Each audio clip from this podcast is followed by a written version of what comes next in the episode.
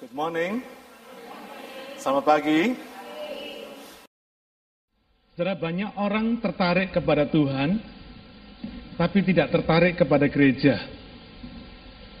Karena itu jangan heran kalau mereka menganggap bahwa gereja itu tempatnya Tuhan, tapi juga tempatnya setan, katanya.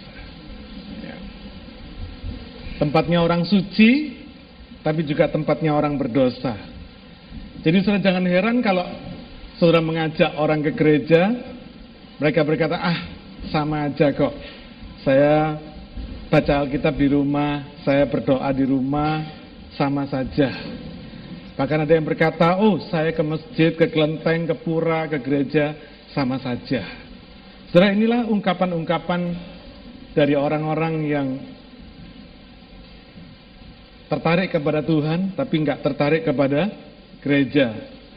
Yang menarik, Eugene Peterson di dalam sebuah bukunya yang berjudul The Pastor, dia berkata begini, impian gembala sidang atau impian pendeta itu punya jemaat yang baik-baik, hidup suci, komitmennya luar biasa sama Tuhan, cinta Tuhan, suka berdoa, suka Bible study, suka berkorban, murah hati, generous ya, suka memberi, suka melayani, suka membawa jiwa, penuh kasih, suka baca buku rohani, disiplin. Kira-kira itu gambarannya, saudara. Impian gembala sidang atau impian sebuah pendeta, eh, seorang pendeta. Dia rindukan bahwa di gereja itu ada the green berets, kayak Kopassus gitu, saudara. Kopassusnya Tuhan, the green berets for Jesus. Gitu. Lalu yang menarik lagi dia berkata, but it's only a dream. Dia berkata, itu cuma mimpi. Kenapa saudara? Ternyata setelah dia selidiki jemaat dia lebih tertarik pada gosip daripada Tuhan. Dia pernah tes jemaatnya ketika dia mulai coba dengan sebuah gosip, jemaatnya langsung matanya terbelalak. Gitu. Tapi waktu dia coba berkata-kata tentang Tuhan, jemaatnya jadi ngantuk, saudara. Ya. Jadi rupanya jemaatnya dia lebih tertarik pada gosip daripada Tuhan. Lalu dia temukan lagi secara emosi jemaatnya lebih terikat kepada televisi daripada kepada Tuhan. Jemaatnya lebih suka lihat pertandingan sepak bola atau mendengar gosip selebriti daripada mendengar atau membaca hal-hal yang rohani. Dia berangan-angan jemaatnya suka baca buku rohani, ternyata jemaatnya lebih suka baca majalah Times daripada Alkitab. Ya. Meleset semua, saudara. Kepada jemaat yang muda, ternyata lebih suka main game daripada main musik di gereja. Dan ternyata penyelidikan dia ini sampai 30 tahun dia melayani di gereja itu, ternyata masih juga belum ada kopasusnya Tuhan. Yang dia rindukan tadi ya, seperti sebagai the green berets for Jesus tadi. Sampai 30 tahun dia juga belum ketemu the green berets for Jesus. Bayangin ya, lucu sekali. Nah pertanyaan pagi hari ini yang ingin saya sampaikan pada saudara. Apa alasan kita datang ke gereja? Apa alasan kita berjemaat di gereja? Apa alasan saudara berjemaat di Christ Living Church ini? Apa alasan saudara melayani di sini? Apa alasan saudara membawa persembahan setiap minggu, membawa perpuluhan, membawa persembahan? Apa alasan saudara membawa anak-anak saudara ke Sunday School kita? Dan bahkan saya bertanya kepada diri saya sendiri, apa alasan saya jadi pendeta di Christ Living Church ini? Jadi gembala sidang di sini. Saya ingin mengajak saudara melihat satu contoh yang bagus sekali. 1 Samuel pasal 22 ayat 1 dan 2. Kita baca 1 Samuel pasal 22 ayat 1 dan 2. Poin yang pertama dari apa yang saya diskusikan pagi hari ini, judul khotbah saya berjudul Semua Karena Iman. Poin yang pertama saya akan bicara tentang siapa kita, siapa saudara dan saya. Siapa sih jemaat Tuhan itu siapa? Mari kita baca 1 Samuel 22 ayat 1 dan 2. Seringkali ketika kita melihat siapa kita atau siapa jemaat Tuhan, siapa jemaat gereja Tuhan, kita fokusnya kepada kisah Rasul pasal yang keempat ataupun kisah Rasul pasal yang pertama. Tapi saya ingin mengajak saudara melihat satu pandangan yang berbeda hari ini. Yaitu dari 1 Samuel 22 ayat 1 dan 2. Mari kita baca sama-sama. 1, 2, 3. Lalu Daud pergi dari sana dan melarikan diri ke Gua Adulam. Ketika saudara-saudaranya dan seluruh keluarganya mendengar hal itu, pergilah mereka ke sana mendapatkan dia. Berhimpunlah juga kepadanya setiap orang yang dalam kesukaran, setiap orang yang dikejar-kejar tukang piutang, setiap orang yang sakit hati, maka ia menjadi pemimpin mereka bersama-sama dengan dia ada kira-kira 400 orang. Dalam bahasa Inggris dikatakan, and everyone that was in distress, and everyone that was in debt, and everyone that was discontented, gathered themselves unto him, and he became a captain over them. And there were with him about 400 men. Saudara ini gambaran satu hal yang menarik. Saudara tahu kisah ini terjadi ketika Daud dikejar-kejar oleh Saul. Dia melarikan diri dari Saul, dia tiba di Gua Adulam, dia mau menyembunyikan diri di sana, tiba-tiba ternyata berdatanganlah keluarganya di sana. Inilah jemaat yang disebut sebagai gambaran jemaat Daud. Ya. Keluarganya datang, dikatakan di situ seluruh keluarga dan saudara-saudaranya datang, rupanya keluarganya ini juga ikut disersi, ya, ikut e, memberontak kepada Saul. Dia nggak terima kenapa Daud dikejar-kejar oleh Saul, mau dibunuh. Ya. Rupanya ini terjadi jemaat kagetan. Tiba-tiba terkumpul 400 orang, saudara. Ya. Saya ingin mengajak saudara berpikir kalau saudara jadi Daud. Tapi yang kumpul di sana 400 orang adalah orang-orang yang banyak masalah punya banyak kesulitan. Di dalam bahasa Indonesia dikatakan banyak kesukaran. Dalam bahasa Inggris dikatakan distress. Kira-kira distress kalau kita gambarkan orang yang distress itu orang yang sumpek. Sudah, sudah nggak tahu apa yang dia harus lakukan, apa yang dia mesti pikirkan, dan apa yang dia mau katakan. Dia terjepit dengan satu masalah yang nggak tahu mesti bagaimana. Itu orang-orang yang distress. Lalu orang-orang yang banyak utang, yang lari dari tukang-tukang piutang, yang diuber-uber sama debt collector. Ya. Kumpul semua, 400 orang di Gua Adulam. Ketambahan lagi orang-orang yang sakit hati, baru barisan sakit hati. Orang-orang yang discontented, orang yang tidak puas. Kumpul semua 400 Nah kalau saudara jadi pendeta, kalau saudara jadi Daud pada waktu itu, apa perasaan saudara? Kira-kira saudara happy enggak? Kalau pendeta dikasih jemaat 400 orang, kira-kira pendeta seneng enggak? Siapa yang berkata pendeta bakal seneng? Kok nggak ada yang angkat tangan?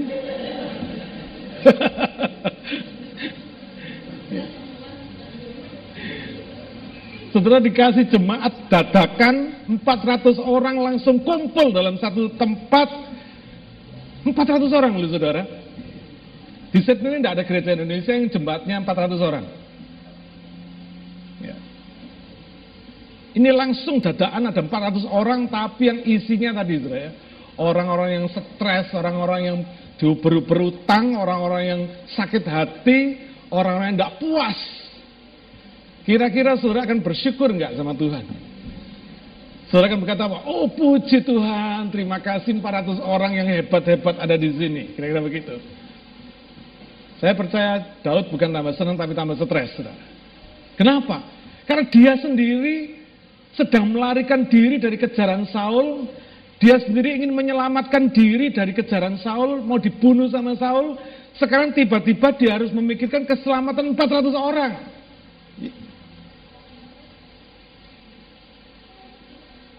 Orang-orang yang dianggap the losers oleh dunia ini, orang-orang yang kalah, orang-orang yang tertolak, memberontak, dan mungkin dengan kata kasarnya sampah masyarakat. Kira-kira begitu, saudara. Ini nggak enak di telinga, tapi memang ini kenyataan, saudara, apa yang terjadi. Alkitab memberikan kepada kita gambaran yang berhasil kita lihat dengan cermat bagaimana Tuhan itu melatih seseorang, melatih seorang hambanya. Bukan dengan hal-hal yang enak-enak saja. Saya percaya gambaran seorang gembala sidang atau seorang pendeta itu seperti yang digambarkan Eugene Peterson tadi. Jemaat yang baik-baik, manis-manis, yang suci, yang tidak mau gosip, jemaat yang mengasihi Tuhan, jemaat yang saling mengasihi satu sama lain, suka berkorban, suka melayani Tuhan, itu jemaat ideal yang diimpikan oleh setiap hamba Tuhan, diimpikan oleh setiap gembala sidang, oleh setiap pendeta yang melayani di gereja. But it's only a dream. Ini jujur loh saudara. Saya pun juga merindukan hal yang sama. Impian saya itu ada the green berets untuk Tuhan Yesus kumpul di CLC sini. Wah, saya gambarkan kalau kopasusnya Tuhan ada di CLC ini. Kita akan jelajahi dunia ini, saudara. Ya, saya tiap minggu mendapatkan undangan pelayanan itu hampir dari seluruh dunia, saudara. Tiap minggu. Saya gambarkan kalau si ini jemaatnya kopasus semua, pasti mereka akan siap berkata, Pak, utus saya. Wah, saya bakal happy, saudara. Tapi it's only a dream. Jelas ini bukan jemaat yang ideal. Mungkin Daud tambah stres. Ketika dikumpulin Tuhan 400 orang yang isinya seperti ini. Saudara jangan heran, kira-kira kalau mereka kumpul 400 orang ini, termasuk kumpul masalahnya juga, betul nggak saudara? Ya, dia akan bawa semua masalahnya ke gua adulam. Dan di situlah mereka berbakti kepada Tuhan. Luar biasa. Ya. Mereka dikumpulkan Tuhan. Sekarang pertanyaannya, saudara. Siapa yang mengumpulkan jemaat ini? Siapa yang mengumpulkan jemaat ini di Gua Adulam? Kok tiba-tiba mereka bisa datang ke sana? Yang pertama, jelas bukan Daud. Daud kepingin menyelamatkan dirinya sendiri kok. Kalau bisa dia menyembunyikan diri dari keramaian, betul nggak saudara? Makanya dia sembunyi di gua Adulam. Maksudnya dia mau aman. Jelas bukan Daud. Yang kedua jelas bukan jemaatnya, bukan mereka sendiri. Bukan orang-orang itu. Ada nggak orang stres cari orang stres? Orang yang punya utang cari orang yang punya utang. Kira-kira ada nggak? Ada nggak, saudara? Nggak ada. Orang stres pasti cari konselor, betul nggak? Supaya bisa dia curhat lalu dia bisa mendapat penghiburan dari konselor ini. Paling enggak orang yang dia anggap bisa dicurhati, kira-kira begitu. Bisa yang mendengar keluh kesah dia, bisa memberikan nasihat sama dia, bisa membuat, bisa meringankan stres dia, kan gitu saudara ya. Saudara nggak akan pernah ada orang stres cari orang stres yang akan bikin dia tambah stres. Nggak akan. Nggak ada orang yang punya utang banyak cari orang yang punya utang lebih besar dari dia. Nggak bakal. Kenapa? Dia tahu nggak ada yang bisa membantu dia. Paling-paling dia cuma dengar gua aja juga punya utang kok. Mau bantuin lu apa? Nggak bisa. Pasti orang yang punya utang cari orang yang kaya yang bisa nolong utang dia, bisa bayarin utang dia. Kira-kira begitu, saudara. Jadi jelas ini bukan karya jemaatnya sendiri, bukan orang-orang itu. Ada nggak orang-orang stres gini terus berkumpul dari satu, yuk kita bikin gereja. Ada nggak? Kira-kira mereka kalau kumpul ngomong apa? Cerita stresnya mereka, betul? Logika aja loh saudara. Coba kita pikirkan. Dalam situasi seperti ini kita pikirkan. Orang-orang yang segini 400 orang kumpul terus tiba-tiba berkata, yuk kita serang memuji Tuhan, kita menyembah Tuhan. Kita melayani Tuhan. Enggak saudara. Pasti cerita stresnya. Jadi saudara jangan heran kalau ada jemaat di sini datang ketemu saudara pagi-pagi, kita saudara berkata haleluya, puji Tuhan, lalu dia cerita stresnya. Enggak apa-apa, itu biasa. Pasti akan terjadi seperti itu. Kalau bisa ketemu orang dia akan curhat sebesar-besarnya sebanyak mungkin dia bisa keluarin lega kan gitu saudara ya. Tidak akan pernah mereka punya ide mari kita bikin gereja tidak ada. Ya. Jadi pertanyaannya siapa yang ngumpulin mereka? Siapa yang mempertemukan Daud dengan 400 orang yang lagi stres, yang lagi punya kesulitan, punya masalah seperti ini? Siapa? Tidak ada lagi. Tuhan. Amin. Tuhanlah yang mengumpulkan mereka. Jelas. Bukan Daud, bukan mereka sendiri, tapi Tuhan. Karena itu setelah pagi hari ini saya mau ingatkan saudara, bahwa saudara dan saya ada di gereja ini, bukan karena saudara dan saya sendiri, tetapi karena Tuhan yang mengumpulkan kita di sini. Dengan segala persoalan kita. Saya tahu persis di sini belum ada green beret for Jesus. Belum ada kopasusnya Tuhan, kira-kira begitu ya. Tapi that's the fact. Tuhan mengumpulkan kita di sini. Bukan untuk fokus kepada masalah kita, tetapi fokus kepada Tuhan. Inilah alasan saudara ke gereja. Inilah alasan kita dikumpulkan Tuhan di dalam gereja. Karena itu jangan tinggalkan gereja karena saudara kecewa sama manusia. Keliru. Karena yang ngumpulin saudara di sini adalah Tuhan. Ini adalah alasan satu-satunya ketika kita ada di gereja adalah karena Tuhan. Karena jangan pernah tinggalkan gereja karena manusia. Karena di mana pun saudara akan berada, ke mana pun saudara pergi ke gereja, di sana saudara juga akan ketemu manusia yang mengecewakan saudara. Cuma versinya berbeda. Kalau di sini mungkin saudara digosipin, di sana saudara dirasani. Podo hai saudara. Ya kan? Tidak ada bedanya. Karena apa? Manusia. That's why You are being here because of God, not because of ourselves. Amin. Coba tepuk kiri kanan saudara. Eh, lu ada di sini karena Tuhan. Ya. Destinimu ada di sini karena Tuhan. Bukan karena saudara jalan-jalan di, di Princess Highway tiba-tiba saudara lihat, lalu tiba-tiba saudara dengar, kok enak lagi pujiannya langsung saudara masuk. Bukan. Saudara datang di sini, dikumpulkan di sini, kebaktian di sini tiap minggu, melayani di tempat ini karena Tuhan. That's our focus. That's the center of the church. Bukan manusia. Saya mau ingatkan pada saudara pagi hari ini supaya fokus kita betul-betul tepat. Karena ketika saudara tidak tahu artinya mengapa saudara ada di gereja, saudara akan miss semuanya. Tapi kalau saudara ngerti kenapa saudara ada di gereja, kenapa saudara melayani di gereja, kenapa saudara ada di sini, kok enggak lagi jalan-jalan di city, lagi ikut lari maraton, kenapa saudara ada di sini? Because of God has a plan for you. Tuhan punya rencana untuk hidup saudara. Alasan saudara bawa anak-anak saudara ke gereja juga karena Tuhan ingin mengumpulkan anak-anak saudara di hadiratnya. Saudara ini jangan pandang rendah, jangan pandang enteng. Kalau Tuhan punya destiny, Tuhan punya rencana atas hidup saudara dan saya, papa mamanya. Apa kira-kira Tuhan tidak punya rencana untuk anak-anak kita? Ada. Karena itu jangan sampai ada orang tua yang males bawa anaknya ke gereja.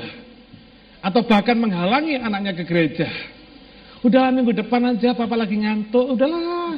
Terus jangan sampai seperti itu.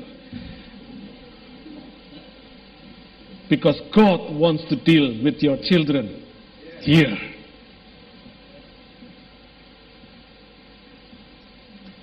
Alasan saudara melayani dan membawa persembahan saudara, alasan saudara berkorban tiap minggu, perkorban waktu saudara untuk Tuhan, juga karena Tuhan. Ini alasannya. Bukan karena saudara punya bakat, saudara mau menyalurkan bakat saudara musik atau menyanyi, ataupun saudara suka melayani, saudara datang ke sini, bukan, bukan karena itu. Tetapi karena Tuhan mengumpulkan saudara di sini, di situ saudara punya kesempatan, diberi kehormatan untuk melayani dia. Amin. Inilah alasan pelayanan kita di gereja. Karena itu jangan kecewa kalau pelayanan atau pengorbanan saudara tidak dihargai oleh manusia. Jangan kecewa. Sebab Tuhan tetap menghargai saudara. Amin. Mungkin manusia nggak terlalu peduli dengan saudara. Mungkin apa yang saudara lakukan Di belakang layar tidak ada orang yang tahu.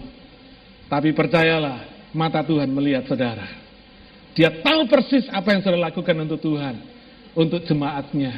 Dia tahu persis kenapa saudara ada di sini dan kenapa saudara melayani di tempat ini. Jadi alasan untuk keberadaan saudara di gereja dan alasan apa pun yang saudara lakukan di gereja adalah Tuhan. Di sinilah, di gereja lah, Tuhan membuat hidup saudara berarti. Di sinilah saudara akan menemukan arti hidup saudara. Di sinilah saudara akan mengerti destiny saudara. Saudara di gereja bukan untuk melewatkan waktu dari pagi sampai malam.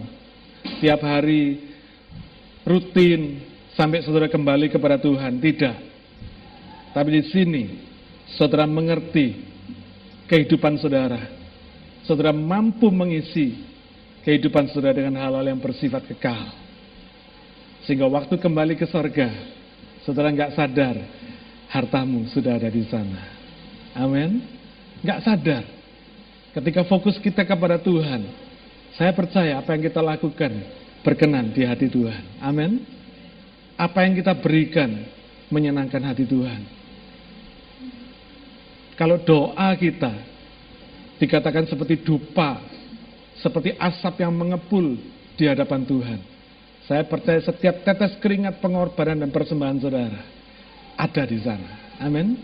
Kalau air mata kita saja, kita berkata disimpan di dalam kirbat, di dalam tempatnya Tuhan, maka saya percaya apa pun jeripaya saudara ada di sana. Tidak akan pernah sia-sia. Harta kekal saudara sudah ada di sana. Jadi gereja adalah tempat Tuhan bekerja, mengumpulkan anak-anaknya, mengasuh, merawati, mendewasakan, serta memberkati mereka. Matius 23 ayat 37 sampai 39 berkata demikian. Yerusalem, Yerusalem, engkau yang membunuh nabi-nabi dan melempari dengan batu orang-orang yang diutus kepadamu Berkali-kali aku rindu mengumpulkan anak-anakmu, sama seperti induk ayam mengumpulkan anak-anaknya di bawah sayapnya, tetapi kamu tidak mau. Lihatlah rumahmu ini akan ditinggalkan dan menjadi sunyi. Dan aku berkata kepadamu, mulai sekarang kamu tidak akan melihat aku lagi. Saudara perhatikan, hingga kamu berkata, diberkatilah dia yang datang dalam nama Tuhan.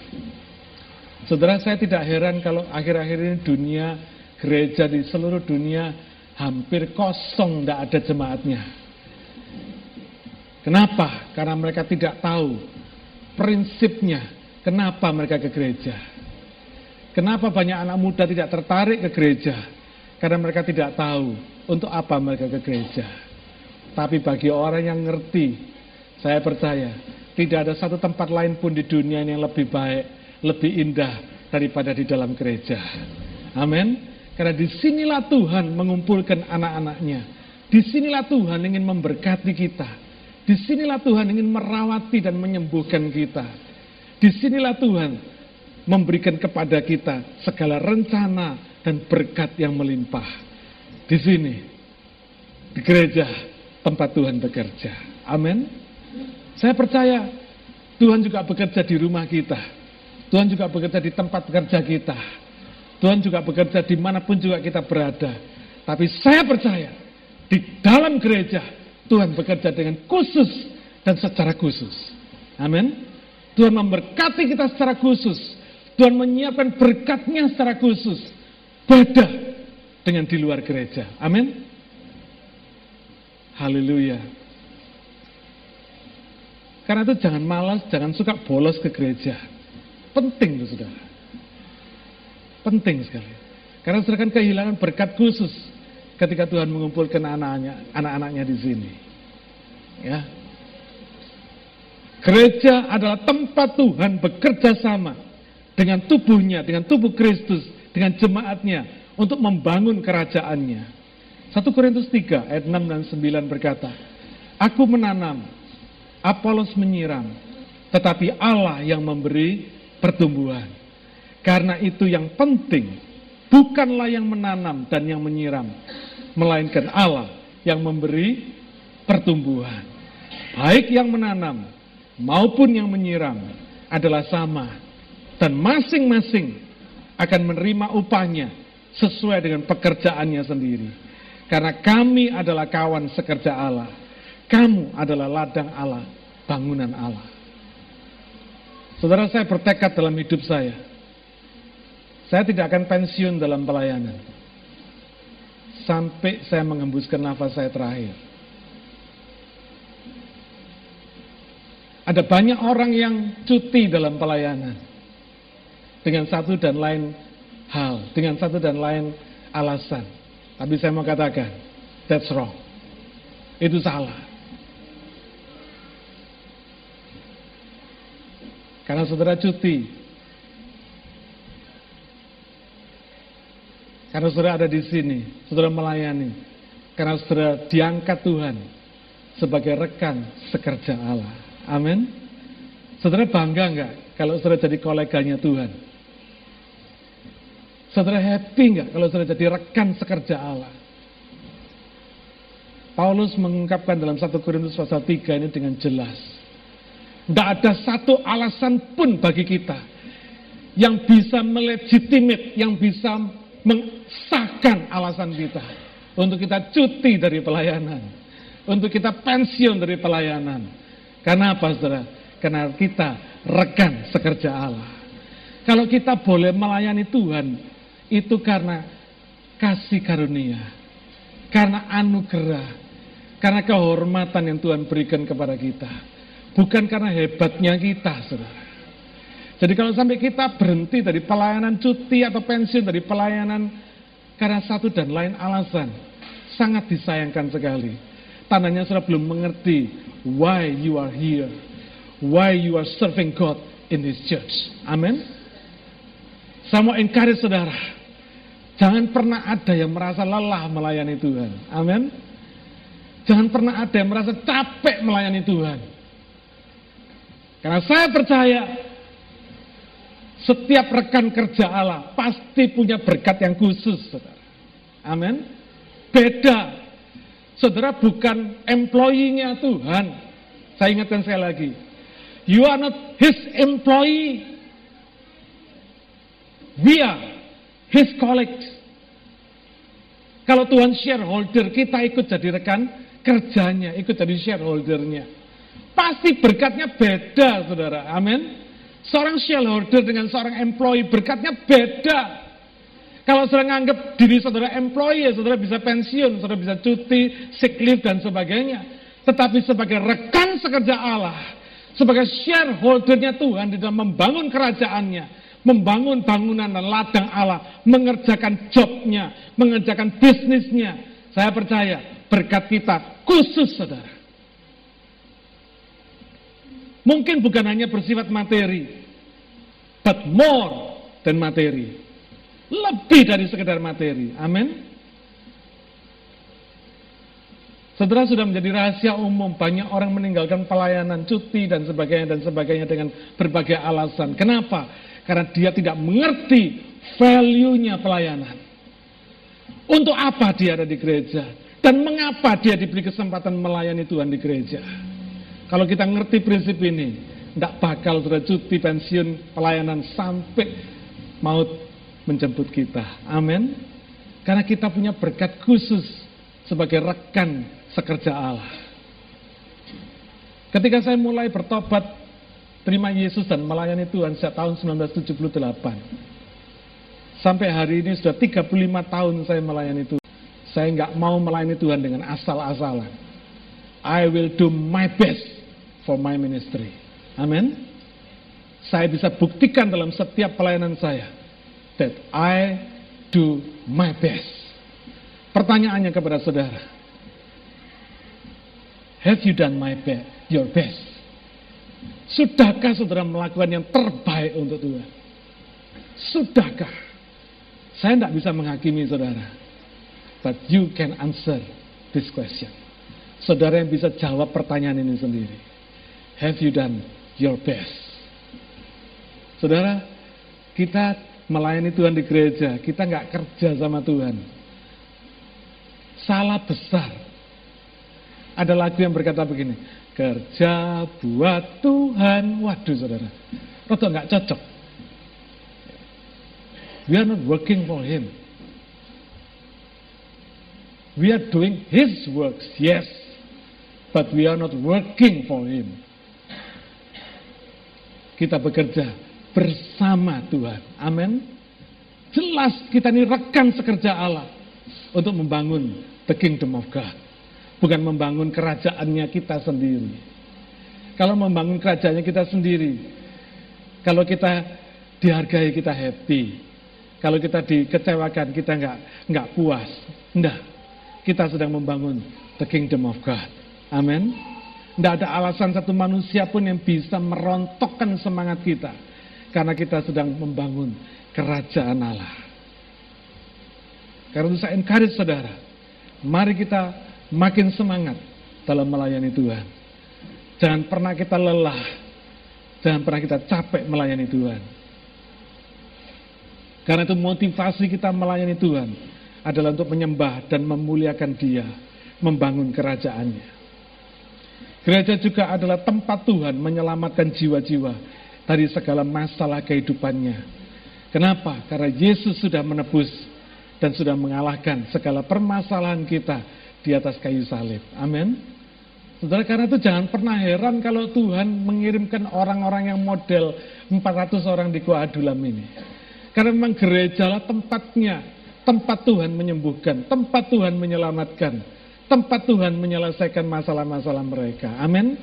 Kalau dunia menyerah dengan masalah-masalah mereka, saya mau katakan, gereja Tuhan tidak akan pernah menyerah dengan masalah dunia ini. Kalau dunia sudah give up untuk menyelesaikan masalahnya, maka gereja Tuhan adalah jawaban dari masalah yang ada di dunia ini. Saya encourage saudara, cari orang-orang yang bermasalah, bawa datang ke gereja. Disembuhkan Tuhan di sini. Amin. Banyak toh? Orang-orang di sekitar saudara yang punya masalah? Banyak toh? Ayo. Di dalam rumah saudara pasti ada yang punya masalah. Keluarga saudara pasti ada yang punya masalah. Teman kerja saudara pasti ada yang punya masalah. Kenapa kita cuek? Kenapa kita nggak peduli sama mereka? Karena kita nggak percaya bahwa gereja Tuhan mampu menyelesaikan masalah mereka. Dunia mungkin nggak mampu menyelesaikan mereka. Orang dunia mungkin bisa berkata, ah give up gua. Memang orang edan ini, wis percuma tidak bisa ditangani, percuma. Tapi saya mau katakan, di dalam gereja Tuhan tidak ada kata give up. Di sini ada jawaban. Karena Alkitab punya jawaban atas segala permasalahan yang ada di dunia ini. Kalau mereka tidak ngerti jawabannya, kalau mereka tidak tahu persoalannya, kalau dunia give up, gereja Tuhan tidak pernah give up. Bawa ke sini. Apa pun masalahnya, bagaimanapun keadaannya, pasti Tuhan bisa sembuhkan di sini. Tugas kita, kita mesti peka untuk orang-orang seperti ini yang ada di sekitar kita. Jangan jengkel malah mele, mele, apa, melewatkan mereka. Kalau mereka tidak mau ya sudah. Tapi at least ada usaha kita untuk bawa mereka ke gereja. Amin. Karena di sini mereka akan ketemu Yesus. Dan saya percaya apa pun masalahnya, kalau orang ketemu Yesus pasti selesai. Pasti beres. Kenapa? Karena Yesus sudah menyelesaikan masalah mereka di kayu salib 2000 tahun yang lalu. Amin. Jadi ketika sudah ketemu sama orang-orang yang punya masalah ini, Saudara jangan jangan ngemis-ngemis, jangan begging-begging mereka, ayo ta ke gereja, ayo ta. Kalau enggak gereja kosong, ayo ta. Jangan gitu, saudara. Kita nggak ngemis mereka untuk datang ke gereja supaya ngisi bangku kosong di gereja. Bukan. Ketika sudah datang kepada mereka, saudara bisa berkata dengan gagah perkasa. Saudara berkata, hei, kamu nggak bisa selesaikan masalahmu ya. Dunia tidak bisa menyelesaikan masalahmu ya. Ketahuilah, gereja bisa. Ayo ikut aku ke gereja. Masalahmu pasti beres. Kalau kamu datang ke Tuhan Yesus, pasti beres. Tidak ada satu orang pun yang datang ke Tuhan Yesus, masalahnya tidak beres. Belum pernah saya ketemu. Tapi justru ketika orang punya masalah lari dari Tuhan Yesus, masalahnya tambah worse, saudara. Tambah parah, saudara. Tapi separah apa pun masalah di dunia ini, kalau datang kepada Yesus, pasti beres. Kenapa? Yesus sudah membereskan masalah mereka 2000 tahun yang lalu. Sekarang mereka tinggal dapat berkatnya, dapat penyelesaiannya, dapat pembayaran surat utangnya, dapat tanda jedok dismiss the close close case di gereja. Amin. Saudara, inilah prinsipnya. Jadi saudara datang kepada orang yang bermasalah ini dengan bangga hati. Jangan dengan begging-begging, ayo ta, Aduh, ayo ta, aku ini sudah bosan loh, sudah capek loh ngajarin kamu ke gereja. Ayo ta, jangan gitu saudara. Buatlah mereka mengerti bahwa masalah mereka akan selesai di gereja. Bukan diselesaikan oleh pendeta, bukan diselesaikan oleh jemaat, tapi diselesaikan oleh Tuhan sendiri. Karena gereja lah tempat Tuhan bekerja. Amin. Gereja lah tempat Tuhan mencurahkan kuasanya. Kenapa sekarang banyak para church, banyak organisasi-organisasi LSM-LSM di luar gereja? Why? Karena gereja Tuhan tidak berfungsi sebagaimana mestinya. Karena gereja Tuhan tidak memiliki kuasa lagi untuk menyelesaikan masalah-masalah di dunia ini.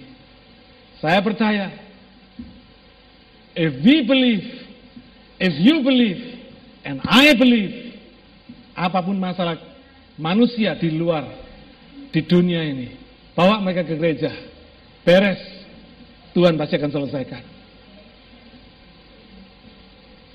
Bukan berarti terus kalau mereka punya utang dibawa ke gereja lalu pendeta bayari utangnya beres. Enggak. Enggak, saudara. Tapi di sini Tuhan akan memberikan hikmatnya. Di sini Tuhan akan memberikan jalan keluarnya. Di sini Tuhan memberikan idenya. Membuat mereka mampu menyelesaikan masalah-masalahnya. Amin. Di sini mereka mendapat kekuatan. Di sini mereka mendapat semangat baru ide-ide baru, terobosan-terobosan baru, supaya mereka mampu menyelesaikan masalah-masalahnya sendiri. Bukan dinina bobokan, bukan dijadikan anak-anak gampang, bukan. Tapi di sini mereka dibentuk, di sini mental mereka diperbarui, di sini pikiran mereka dibukakan, supaya mereka bisa melihat, oh Tuhan itu dahsyat. Masalah kita Kelihatannya besar, tapi sebetulnya kecil bagi Tuhan. Amin. Ketika mereka punya masalah, mereka biasanya melihat masalah mereka besar sekali. Tapi ketika mereka dibawa kepada Tuhan, masalah mereka jadi kecil. Kenapa? Karena mereka bisa melihat Tuhan yang besar. Don't say to your problem how big is your problem. But say to your problem how big is our God. Amin. Haleluya, saudara. Gereja tempat Tuhan menyelamatkan dan menyelesaikan masalah kehidupan ini. Roma 5 ayat 8 sampai 11. Firman Tuhan berkata, akan tetapi Allah menunjukkan kasihnya kepada kita oleh karena Kristus telah mati untuk kita ketika kita masih berdosa. Lebih-lebih, saya perhatikan kata-kata ini. Karena kita sekarang telah dibenarkan oleh darahnya. Karena Yesus sudah mati buat kita. Kita apa? Pasti akan diselamatkan dari murka Allah. Sebab jikalau kita ketika masih seteru diperdamaikan dengan Allah oleh kematian anaknya, perhatikan, lebih-lebih kita yang sekarang telah diperdamaikan, apa? Pasti akan diselamatkan oleh hidupnya. Dan bukan hanya itu saja, kita malah bermegah dalam Allah oleh Yesus Kristus Tuhan kita. Sebab oleh dia kita telah menerima pendamaian itu. Pendamaian apa? Pendamaian atas segala persoalan kita. Mulai dari persoalan rohani kita, persoalan mental pikiran kita, dan termasuk persoalan jasmani kita. Di sini kita terima pendamaian itu. Amin. Haleluya. Hari ini ketahuilah saudara. Kalau dunia tidak mampu menyelesaikan masalah, Tuhan kita pasti bisa.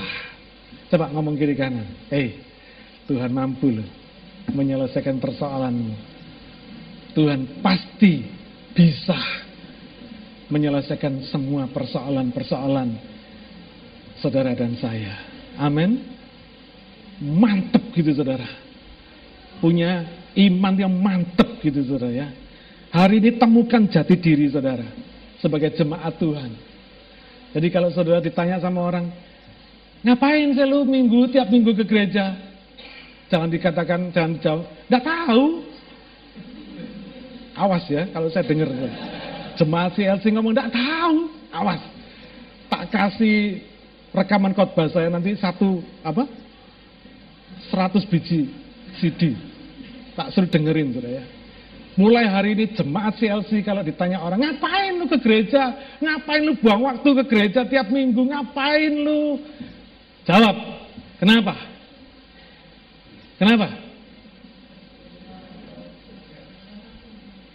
Because God, because of God, amin. Karena Tuhan. Karena Tuhan, saudara. Jangan dijawab ya karena gua mau ngumpul-ngumpul. Jangan. Salah, saudara. Kalau orang nggak ngerti kenapa dia ke gereja, makanya dia bosen ke gereja. Makanya dia gampang bolos ke gereja. Makanya dia menganggap remeh gereja. Menganggap remeh pelayanan. Because they didn't know. Sebetulnya mereka tidak ngerti prinsipnya ke gereja. Dan kalau ditarik lebih dalam lagi, sebetulnya mereka tidak ngerti arti hidupnya sendiri the meaningful of their lives. They didn't know that. Amin. Mereka nggak ngerti hidup yang berarti itu bagaimana. Nggak tahu saudara. Saudara akan ngerti arti hidup saudara ketika saudara ada di gereja. Ketika saudara di sini dididik sama Tuhan. Dibikin ketemu sama, tu, sama satu sama lain. Dibikin gesekan satu sama lain. Di sini you will understand the meaning of your life. Arti hidup kita yang sesungguhnya. Saudara akan ngerti di sini. Amin. Saudara di gereja ketika saudara melakukan kesalahan, tidak diapa-apain, saudara. Dimaafkan, betul nggak? Di kerjaan saudara melakukan kesalahan, dipecat saudara. Di sinilah Tuhan sedang mentraining kita untuk jadi orang-orang yang qualified dikirim Tuhan ke dunia. Amin. Saya percaya kalau orang-orang itu mampu bertahan di dalam melayani Tuhan, dibentuk mental karakter pribadinya di dalam gereja. Saya percaya di mana pun juga mereka berada pasti sukses. Kalau orang itu bisa sukses melayani Tuhan di gereja, di mana pun juga dia berada pasti jadi orang hebat. Apa pun profesinya, pasti jadi orang jempolan, saudara. Pasti you will become the best of the best di mana pun saudara berada. Saya sudah buktikan itu dalam dalam pelayanan saya, dalam kehidupan saya. Mulai sejak saya student, sampai saya kerja, sampai saya melayani Tuhan. I have proven that. Saya belum pernah melihat ada orang-orang yang melayani dengan sungguh-sungguh di gereja. Dibentuk karakternya dengan indah di gereja. Terus memble di kerjaan, belum pernah saya. Kalau ada orang-orang yang memble di kerjaan di dunia ini, pasti dia juga memble di gereja, saudara. Pasti. Dikit-dikit tersinggung. Dikit-dikit ngambek. Dikit-dikit bolos. Dikit-dikit give up. Itu mentalitasnya. Dan di sini, di gereja ini, Tuhan membentuk mentalitas kita. Jadi orang jempolan, saudara. Karakter kita, mentalitas kita, pola pikir kita dibentuk di gereja ini. Supaya ketika saudara ada di tengah-tengah dunia, you will become the best of them the best of your life. Amin. Karena itu jangan pernah remehkan gereja, saudara. Jangan pernah remehkan gereja.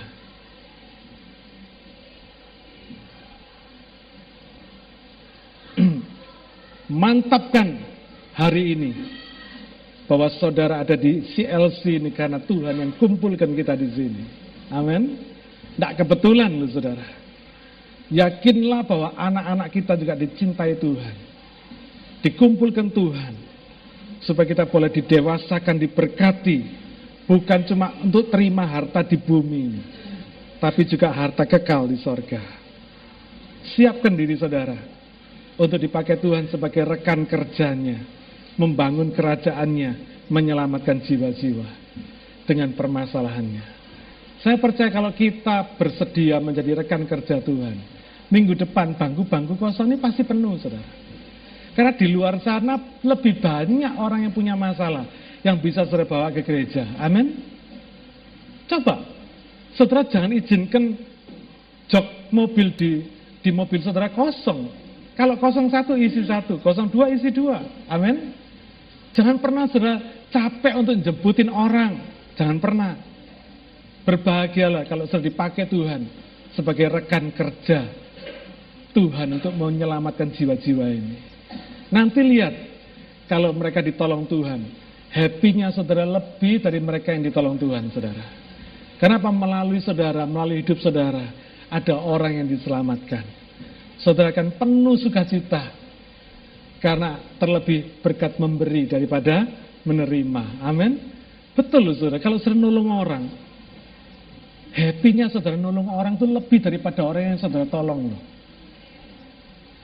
Sukacitanya, berkatnya, luar biasa. Saudara mungkin cuma memberikan tumpangan. Tapi dikatakan Alkitab, ketika engkau memberi dia tumpangan, engkau sudah melakukannya untuk Yesus katanya saudara. Luar biasa. Mulai sekarang pikirkan, dosa banyak-banyak, satu orang aja yang saudara akan bawa kepada Tuhan. Saya akan bawa kepada gereja minggu depan. Nanti lihat bangku-bangku kosong ini akan terisi. Amin. Dan mari kita lihat, mari kita buktikan di gereja masalah mereka disembuhkan. Kalau mereka nggak mau ya sudah, nggak apa-apa. Karena tidak akan pernah ada orang yang bisa diselesaikan masalahnya kalau nggak mau. Betul nggak saudara? Nggak ada. Nggak ada orang yang bisa diselesaikan masalahnya kalau dia tidak mau diselesaikan masalahnya oleh Tuhan. Tidak ada. Jadi leave it. Yang tidak mau tidak usah dipaksa. Tidak usah didorong-dorong, tidak usah ditarik-tarik, tidak usah di backing-backing, tidak usah. Ya, Tapi kalau mereka mau bawa, biar jauh, jemput. Jangan takut saudara. Amin. Haleluya.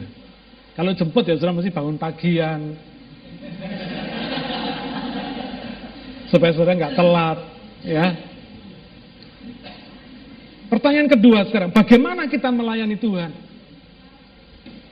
Bagaimana kita bisa menjadi rekan sekerja Allah di gereja? How? Kalau tadi pertanyaan who, siapa kita? Siapa jemaat Tuhan? Pertanyaan sekarang how? Bagaimana kita melayani? Bagaimana kita bisa menjadi jemaat Tuhan yang melayani? Bagaimana kita bisa menjadi rekan sekerja Allah? Bagaimana kita melakukan pelayanan kita di gereja? How? Roma 12 ayat yang kedua. Janganlah kamu menjadi serupa dengan dunia ini, tetapi berubahlah oleh pembaruan budimu, sehingga kamu dapat membedakan manakah kehendak Allah, apa yang baik, yang berkenan kepada Allah, dan yang sempurna.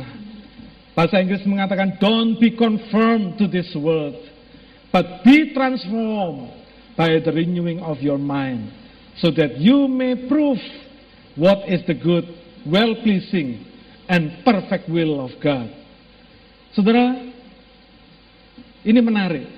Ya, berkali-kali kalau saudara baca ayat ini mungkin saudara cuma melihat sepintas, tapi ini menarik sekali. Ya. Pertanyaan saya, mengapa kita tidak boleh konfront dengan dunia ini? Padahal kita diciptakan Tuhan untuk hidup di dunia ini. Betul nggak? Saudara diciptakan Tuhan bukan untuk hidup di Mars loh, bukan. Saudara diciptakan Tuhan untuk hidup di dunia ini. But why don't be conform with this world? Kenapa kita tidak boleh conform, tidak boleh kompromi dengan dunia ini? Why? Coba kalau saudara seorang pengusaha, saudara ingin menjual produk ke Australia, apa yang akan saudara lakukan? Saudara ingin memasarkan produk saudara di Australia, Saudara akan mendesain produk saudara sedemikian rupa supaya orang Australia bisa pakai, kan gitu saudara.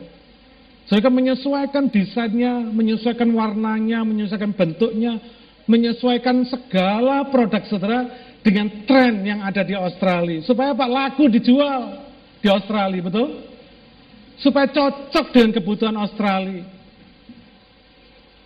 Supaya ketika orang Australia melihat saudara, melihat produk saudara, dia langsung suka bisa beli produk saudara. Saudara akan setel harganya, set, set up price-nya sedemikian rupa, sehingga marketable di Australia. Gitu kan?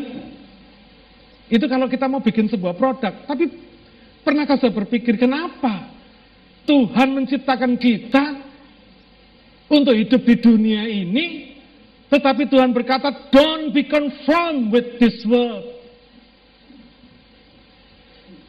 Orang dunia punya pikiran market oriented. Apa yang gue bisa laku di sana, gue jual di sana, disesuaikan dengan apa yang menjadi kebutuhan mereka di sana, dicocokkan dengan mereka yang ada di sana. Tapi Tuhan tidak, saudara. Tuhan tidak bikin kita seperti itu. Tuhan tidak pernah market oriented, tapi Tuhan product oriented. Kenapa, saudara? We are in this world, but we are not of this world. Kita memang ada di dunia ini, tapi kita bukan dari dunia ini. Nangkap nggak, saudara? Ini bedanya. Saudara memang dan saya hidup di dunia ini, kita nggak hidup di Mars. Kita tidak didesain untuk hidup di Mars atau di planet Pluto sana enggak. Tidak, saudara. kita didesain Tuhan untuk hidup di dunia ini. Tetapi kita tidak boleh kompromi dengan dunia ini. Karena itu bagaimana kita bisa hidup seperti ini? Roma 12 ayat 2 berkata apa? Berubahlah oleh pembaruan budimu Dimulai dari pikiran kita, renewing of your mind. Pembaruan pola pikir kita. Saudara, kenapa sih banyak orang nggak sukses? Karena dia salah mulai dari pola pikirnya. Semua di dunia ini apa yang saudara katakan, apa yang saudara lakukan, apa yang menjadi kebiasaan saudara, apa yang membentuk karakter saudara dimulai di sini, saudara. Pertempuran kita bukan di, di luar kita, tetapi pertempuran kita ada di dalam pikiran kita. Joyce Meyer menulis sebuah buku yang baik, The Battle of, Your, of the Mind. Siapa yang pernah baca buku itu? Ya, praise God. Baca buku itu, saudara. Itu buku bagus. Karangan Joyce Meyer. The Battle of Mind. Di sini, kalau saudara kalah tempurnya di sini, maka semuanya akan kalah, saudara.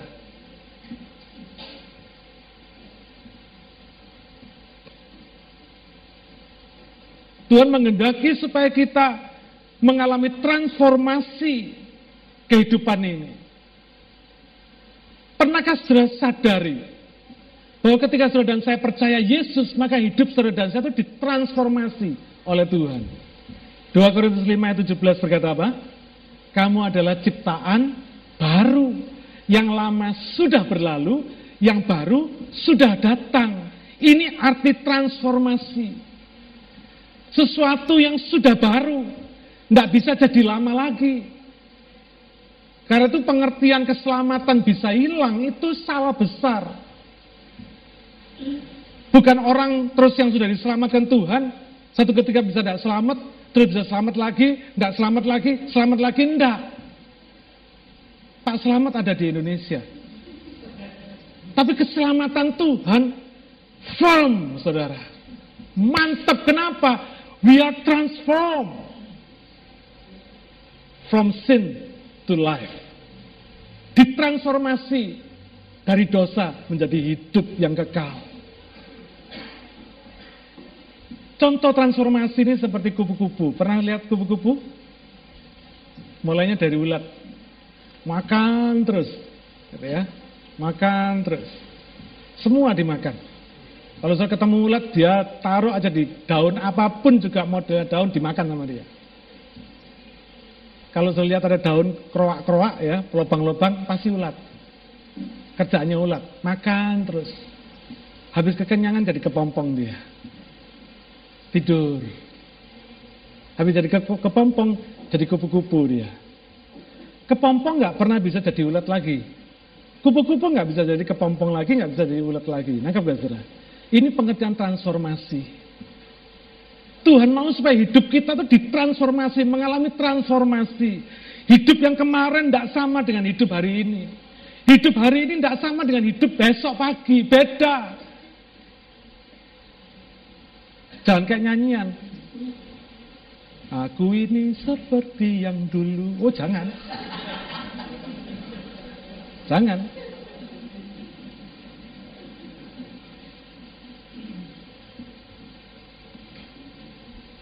Perhatikan hidup saudara.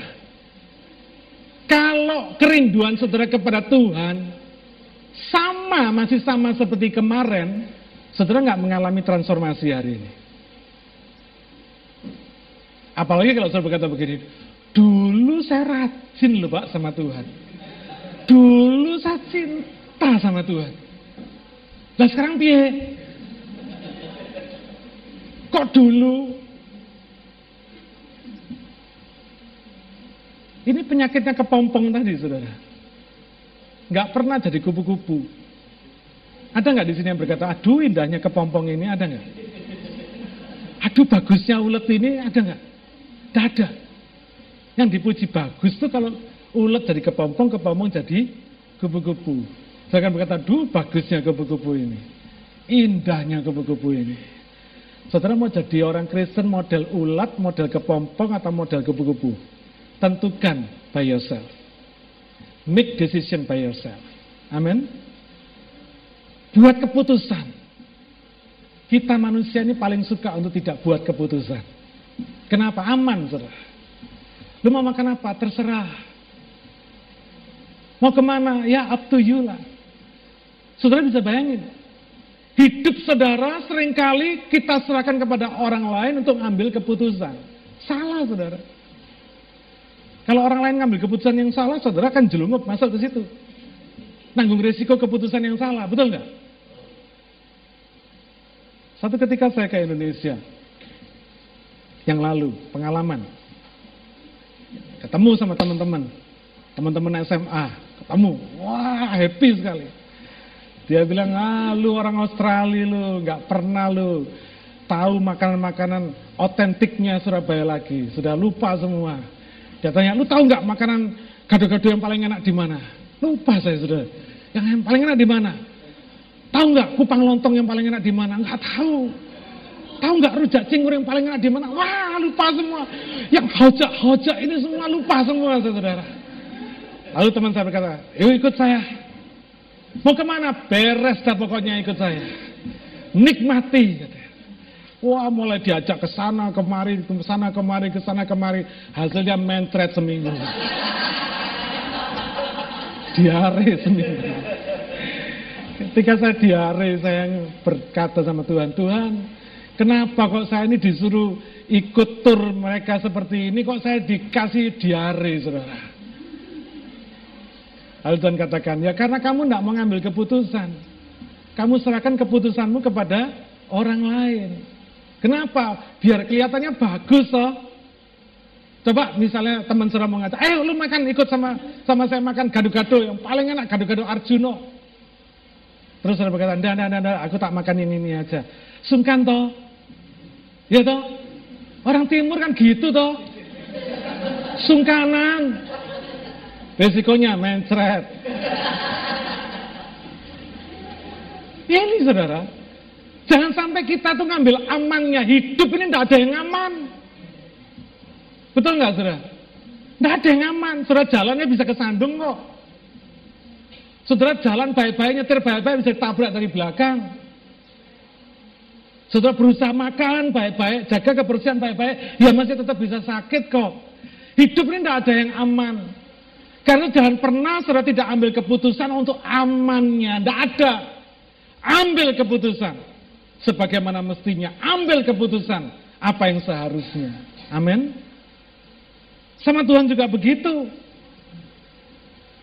Buat keputusan untuk saudara bisa mengalami transformasi oleh Tuhan tiap-tiap hari. Ketika Tuhan mau transformasi saudara, saudara berkata, Tuhan aku mau ditransformasi. Hari ini aku mau lebih cinta Tuhan dari hari yang kemarin. Besok aku mau melayani Tuhan lebih keras lagi daripada hari ini. Besok aku mau do something else yang lebih baik lagi pada hari ini. Saya percaya. Tuhan akan membuat hidup saudara makin meningkat. Ulangan 28 akan terjadi. Engkau akan terus naik, tidak pernah turun. Engkau akan menjadi kepala, tidak menjadi ekor. Kalau saudara nggak mau jadi kepala, Tuhan nggak bisa jadikan saudara kepala. Amin. Kalau saudara nggak mau naik, Tuhan nggak akan pernah paksa saudara naik ke atas, nggak pernah. Semuanya karena keputusan kita. Hari ini putuskan apa yang menjadi keinginan saudara. Dan Tuhan berkata apa? Supaya kita bisa ditransformasi, maka kita mesti memperbarui pikiran kita. Renewing our mind. Penting saudara. Betapa pentingnya pola pikir ini. Penting sekali. Kalau enggak pola pikir kita ini akan menyesatkan kita. Pola pikir kita ini akan membuat kita menyesali seumur hidup dan tidak bisa kembali lagi. Saya ambil contoh. Ptolomeus. Pernah dengar ya nama ini ya? Kemarin saya ajarkan di dalam Bible Study. Ptolomeus. Ini orang yang berkata bumi ini menjadi pusat semesta. Dia argumennya bumi ini menjadi pusat dari alam semesta. Dia berkata lihat matahari. Matahari ini terbit dari timur, tenggelam di barat. Karena itu dia berkata mat, uh, bulan apa bumi adalah pusat dari alam semesta. Matahari mengelilingi bumi. Semua orang setuju. Wah, tepuk tangan. Hebat kamu Ptolomeus. Dipuji orang pinter. Berabad-abad kemudian. Lahir seorang yang bernama Kopernikus. Dia berkata, enggak, salah Ptolomeus itu. Bukan bumi yang menjadi pusatnya alam semesta. Tapi matahari yang menjadi pusatnya alam semesta. Bukan matahari yang mengelilingi bumi. Tetapi bumi lah yang mengelilingi matahari. Pada waktu Kopernikus mengatakan demikian, orang belum punya teknologi untuk bikin satelit ke bulan, saudara. Tidak bisa keluar angkasa. Orang masih coba-coba terbang. Bikin pakai sayap, ya kan? Teringat ya? Kalau kita baca historinya bagaimana orang bikin pesawat terbang. Coba-coba terbang pakai sayap. Nyebur sungai. Nggak bisa.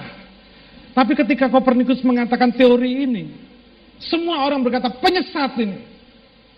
Penyesat ini, kurang ajar orang ini. Bunuh dia. Sampai pada waktu itu Paus sendiri di Roma. Mengatakan apa? Bunuh dia. Ini penyesat. Bahaya. Racun ini buat jemaat. Buat gereja Tuhan. Singkat cerita Kopernikus hanya dipenggal. Dibunuh. Orang berkata, haleluya. Sekarang penyesat mati. Sudah nggak ada lagi. Rasain lu. Tapi ketika manusia berhasil terbang. Ketika manusia berhasil keluar angkasa. Orang berkata, wah benar. Bukan bumi menjadi pusat alam semesta. Matahari menjadi pusat alam semesta. Terus bisa nggak ngembalikan kepalanya Kopernikus lagi? Bisa nggak? Nggak bisa. Karena sudah kadung dihukum, saudara. Kenapa? Akibat pola pikir. Amin. Ini contoh sederhana. Bagaimana bahayanya pola pikir kalau nggak diperbarui oleh Tuhan. Jadi banyak orang Kristen yang ikut Tuhan, rajin ke gereja, tapi nggak mau diperbarui pola pikirnya oleh Tuhan, oleh firman Tuhan. Ya tetap aja nggak pernah mengalami transformasi dalam kehidupannya.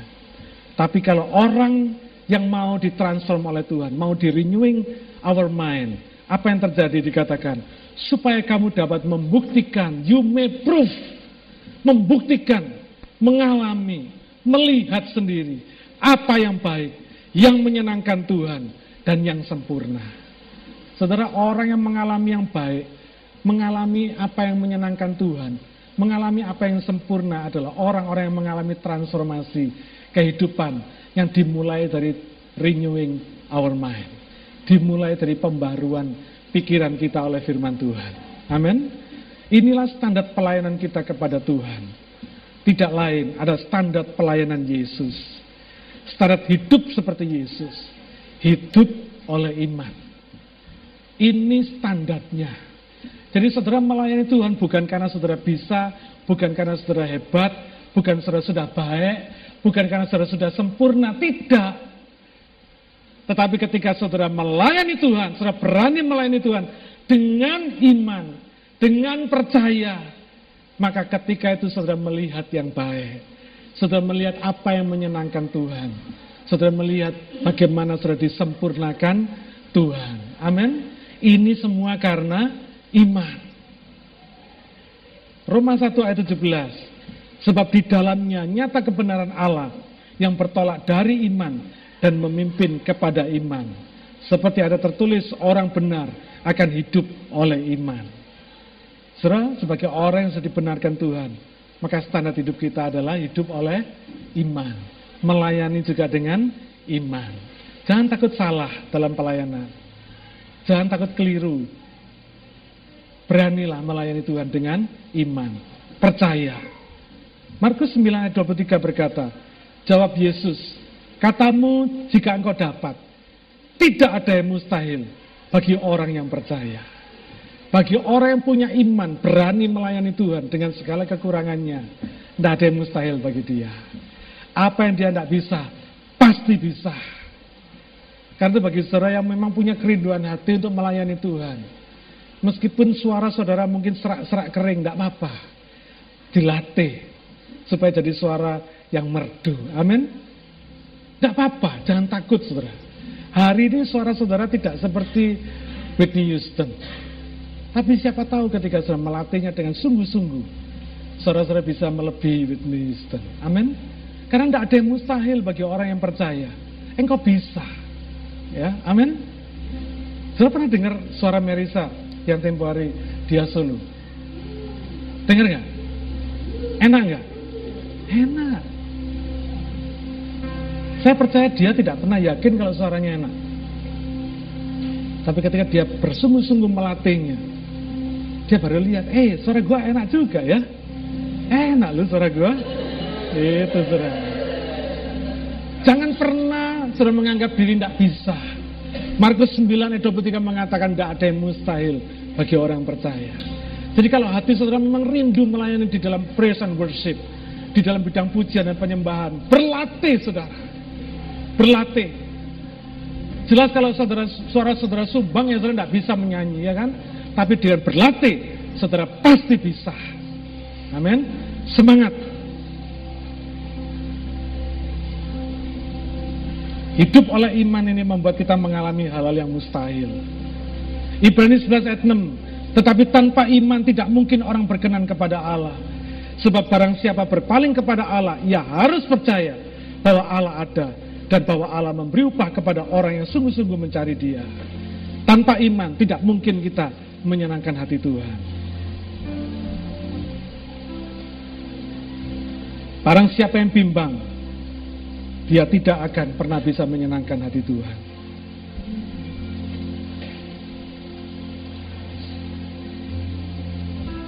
Saudara hari ini, mari kita putuskan. Kita ini mau jadi jemaat, jadi orang Kristen yang bagaimana. Dan kita ini mau melayani Tuhan dengan sikap attitude yang bagaimana. Biarlah kita tetap rendah hati, untuk siap dipakai Tuhan meskipun kita tidak sempurna. Amin. Yang penting kita tuh mau, saudara. Karena Allah sudah pasti memampukan kita. Kalau kita mau. Kalau kita punya sikap yang positif dalam melayani Tuhan, maka kita akan melihat yang baik. Kita akan melihat dan mengalami bagaimana kita menyenangkan hati Tuhan. Dan bagaimana kita disempurnakan oleh Tuhan. Renewing our mind. Amin. Mari kita berdoa. Bapak Surgawi kami bersyukur kepadamu Karena Kau Tuhan Yang memilih kami Bukan karena kami baik Tetapi karena Engkau baik Engkau Tuhan Yang mengizinkan kami melayani Engkau Bukan karena kami sudah sempurna Tetapi karena Engkau ingin menyempurnakan kami Bukan karena kami sudah tahu apa yang baik, tapi justru Engkau ingin mengajarkan kepada kami apa yang baik. Bukan karena kami layak dan menyenangkan hatimu, tetapi karena Engkau yang membuat kami layak, melayakkan kami dan membenarkan kami supaya kami boleh menyenangkan hatimu. Bapa, hari ini hambamu sudah selesai bicara kepada seluruh jemaat kekasih Tuhan di tempat ini. Silakan kau lanjutkan sendiri pekerjaanmu di dalam kehidupan kami, supaya kami makin mengerti kenapa kami diselamatkan. Kenapa kami ada di gereja ini? Kenapa kami melayani Engkau? Kenapa kami lakukan yang terbaik buat Engkau? Karena kami tahu Engkau sudah membuat hidup kami berarti. Engkau membuat kami menemukan arti kehidupan kami. Justru ketika kami datang kepadamu. Terima kasih ya Bapa. Meteraikan firmanmu dalam hati kami semua. Supaya kami boleh mempraktekannya dalam hidup kami setiap hari. Terpujilah namamu Bapa. Dalam nama Tuhan Yesus kami berdoa. Amin. Tuhan memberkati saudara.